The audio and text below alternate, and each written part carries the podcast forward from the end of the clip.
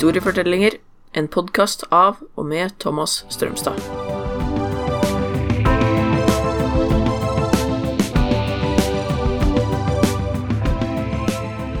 Episode 18 Napoleon og napoleonstiden. Noe av det mest fascinerende med historien er at det som skjedde til enhver tid, kunne ha vært så annerledes dersom noe av det som skjedde, ikke hadde skjedd sånn som det gjorde.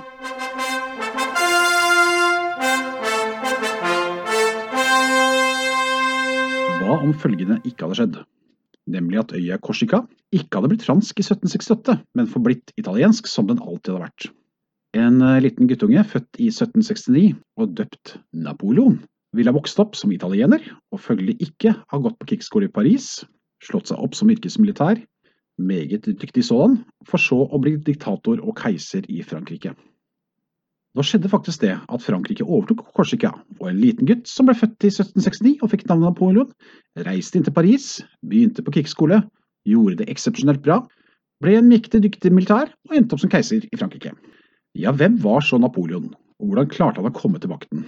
Og ikke minst, hva innebar napoleonstiden, og hvilke konsekvenser fikk den bortsett fra at den gav opphav til Napoleons kake? En kjent fransk historiker ved navn Louis Bergeron har følgende å si om Napoleon. Napoleon var ikke vakker. Han var lite imponerende å se til, kortvokst, spinkel, litt uh, utsvellet med årene, men med skarpt skårende drag og gjennomtrengende blikk. Napoleon snakket urent fransk, var lite empatisk og ikke den du ville sitte og ta en lunsj med. Med andre ord en fyr som ikke hadde vunnet noen popularitetstest eller konkurranse. På den annen side, maleren Jacques Louis David, som var en stor beundrer av Napoleon, har fanget inn hans glød og fantasi. Hans utstråling, og ikke minst hans sans for det dramatiske, det som skulle gjøre ham til en legende. Napoleon var umåtelig intelligent, hadde enorm hukommelse, og han analyserte situasjoner lydkjapt. Ikke overraskende var hans favorittfag matematikk og historie. Videre var han god til å lede, og hadde evne til å tenke praktisk og fornuftig, akkurat som en typisk bonde i Korsika. Han var ikke redd for å ta utfordringer, og klarte alltid å trekke ut den informasjonen han trengte. Ergo, han var den fødte militær, som evnet å sette inn angrep der fienden minst ventet det, og å omorganisere i vanskelige situasjoner. Tilsynelatende var Napoleon en hardhaus som ikke lot seg plage av alle de lidelser og påkjenninger som hans armé måtte tåle. Han tålte å se soldater både dø og blø og ha det forferdelig. Napoleon hadde likevel sine svakheter.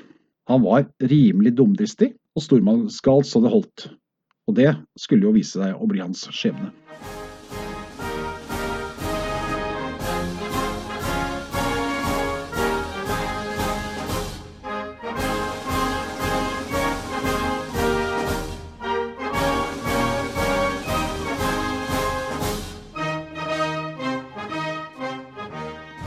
Hvem var egentlig denne mannen ellers? Som sagt, Han ble født på Korsika i 1769. Familien var av italiensk opprinnelse. Faren var dommer, og Napoleon vokste opp i en typisk borgerskapshjem. Ikke fattig, men heller ikke adelig. Kan man kanskje kalle det en slags form for middelklasse. Som tiåring ble Napoleon sett på krigsskole i Frankrike. Takket være revolusjonen i 1789 ble det mulig for ikke-adelige å innta høyere stillinger i det militære. Napoleon ble tiltrukket av de radikale revolusjonære og deres ideer, og han måtte sågar sone tid i kasjotten for det. Som 25-åring ble han like fullt utnevnt til brigadegeneral. I 1796 ble han feltherre i India. Han hadde store seire og feide både østerrikere og deres italienske allierte til side. I 1798 dro han til Egypt for å sette Frankrikes største fiende Storbritannia på plass. Han vant store slag på land, ikke minst da i selve Egypt. Men britenes styrke til sjøs nesten knuste Napoleon for godt. Men Napoleon var ikke død. Lurte seg gjennom de britiske skipene, ruslet til landet i Sør-Frankrike og marsjerte mot Paris. Der var det kaos. De som styrte var korrupte, udugelige og hadde overhodet ikke kontroll på noe. Mange av de konservative lengtet etter en real ryddegutt som kunne ordne opp i kaoset. Napoleon endret på det og utstrålte med stor autoritet følgende budskap Here I am. 15.10.1799 ble Napoleon utnevnt til sjef av de militære styrker i byen. Etter hvert erklærte Napoleons tilhengere en ny republikk, kalt konsulatet, der tre konsuler hadde all makt. Et klart og tydelig prinsipp gjaldt her. Autoriteten kom ovenfra, og tilliten nedenfra. Ikke helt lokk og rousseau, og ikke helt enevelde, men en fiffig kombinasjon av de kan, to, kan man si. Altså både litt fra opplysningstidens ideer, og litt fra det gamle autoritære kongedømmet. Det enorme kaoset som revolusjonen hadde ført til, hadde kappet beina under oppfatningen om at folket skulle styre. Men revolusjonens idé om at de styrende skulle ha tillit hos folket, sto seg vel. Som sagt, tre konsuler skulle styre. Men det var den 30 år gamle Napoleon Bonaparte som ble lederen i praksis, dvs. Si diktator. Mye vil ha mer, er det jo et ordtak som sier, og det gjaldt så visst for den maktglade og forfengelige korsikaner. Og i 1804 kronet han selv til likesåtte konge. I 1792 hadde franskmennene kvittet seg med borbonerne. I 1804 kom et nytt dynasti på tronen, Bonaparte. Ja da, vi har sett at det hadde skjedd før. En sterk militær leder tok all makt og ble den mektige hersker.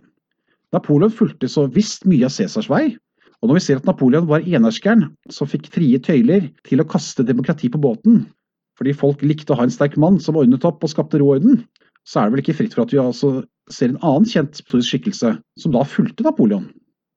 Også det en mann egentlig som kom fra et annet land enn det landet han ble diktator i. Parallellene mellom Napoleon og Hitler sluttet for øvrig ikke der, noe vi skal se senere.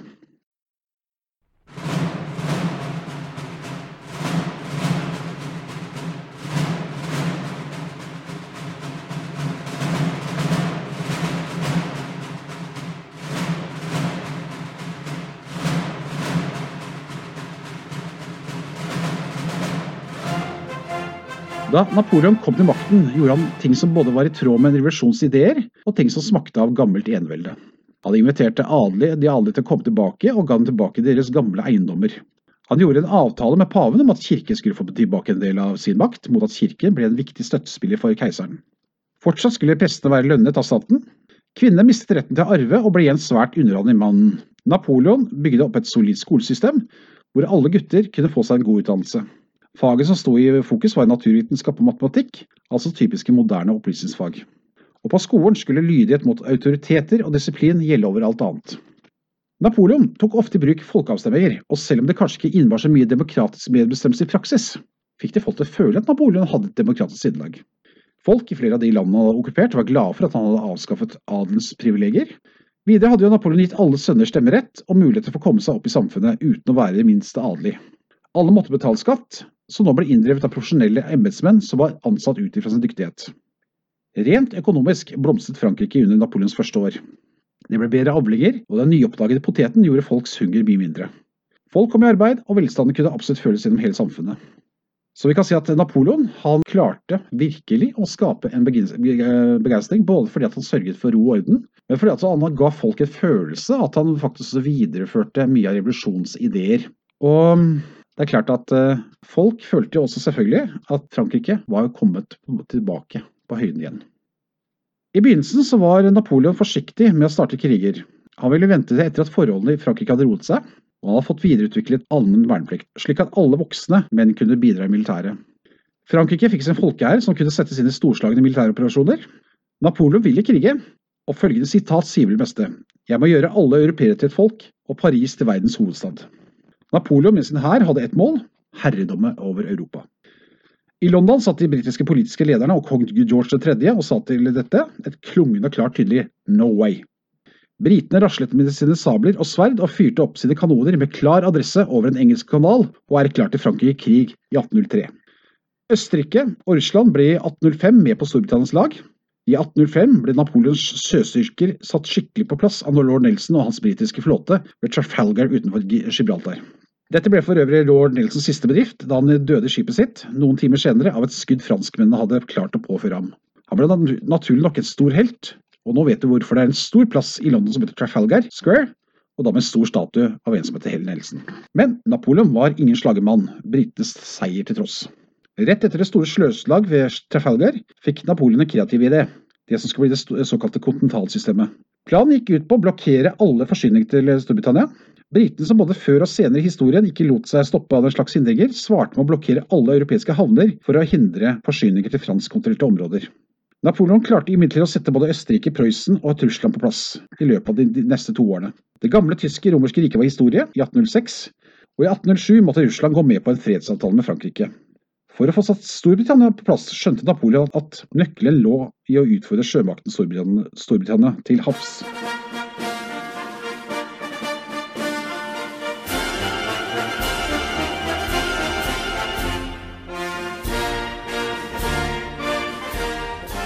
Britene forsto på sin side også at de måtte sørge for å opprettholde sitt herredømme til sjøs, og spurte da Fredrik 6. av Danmark-Norge om de kunne bli med på laget til Storbritannia.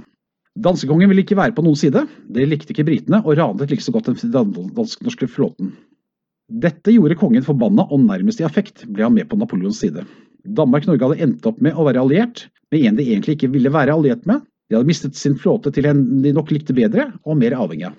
Den dansk-norske befolkningen måtte takle en tilværelse hvor Storbritannias krigsskip hindret Norge og Danmark i å handle med hverandre og omverdenen. Hungersdøden ble større, og i Henrik Ibsens skikkelse Terje Vigen ser vi hvor desperate folk kunne bli. De rodde over hele Skagerrak for å skaffe seg mat. Kanskje ikke så rart at danskekongen ble mer og mer upopulær blant sultne nordmenn. Napoleons rike var på sitt største rundt 1810-11. Som tidligere nevnt var det mange av de som bodde i de franskokkuperte områdene begeistret for Napoleon til å begynne med, ettersom han tok knekken på adelens privilegier og innførte gode ting som f.eks. religionsfrihet. Etter hvert som krigen gikk, ble flere og flere lei og måtte krige for et land de ikke tilhørte, og misnøye med keiseren i Paris avlyste mer og mer beundringen. Napoleon på sin side var frustrert over å ikke ha fått fikset de brysomme britene.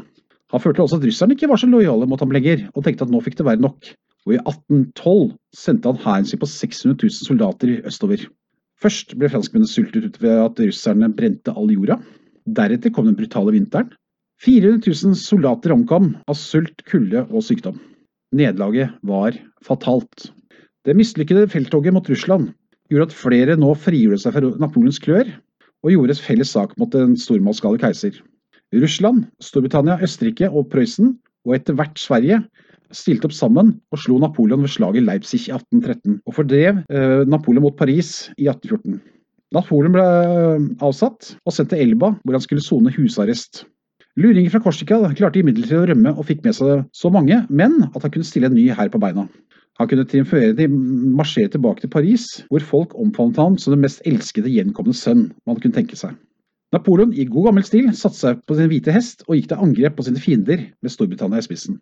I juni 1815 sørget den mektige britiske general Wellington for at Napoleon en gang for alle ble satt på plass ved Waterloo i Belgia. Om dere ikke vet det fra før av, så vet dere nå hvorfor det heter Waterloo Station i London, og hva ABBA synger om, og sågar hva uttrykket 'han møtte sitt Waterloo' betyr. Napoleon ble sendt enda lenger vekk i livsvarig eksil, nemlig til øya St. Helena ute i Sør-Atlanteren.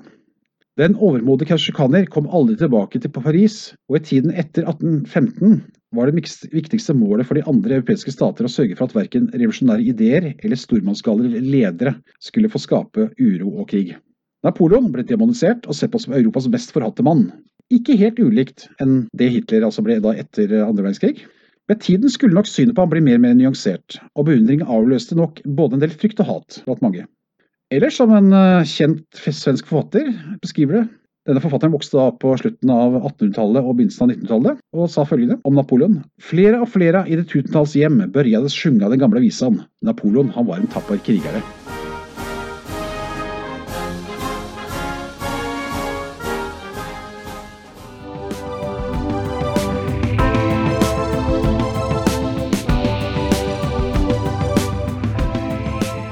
Du har hørt historiefortellinger fortalt av Thomas Strømstad.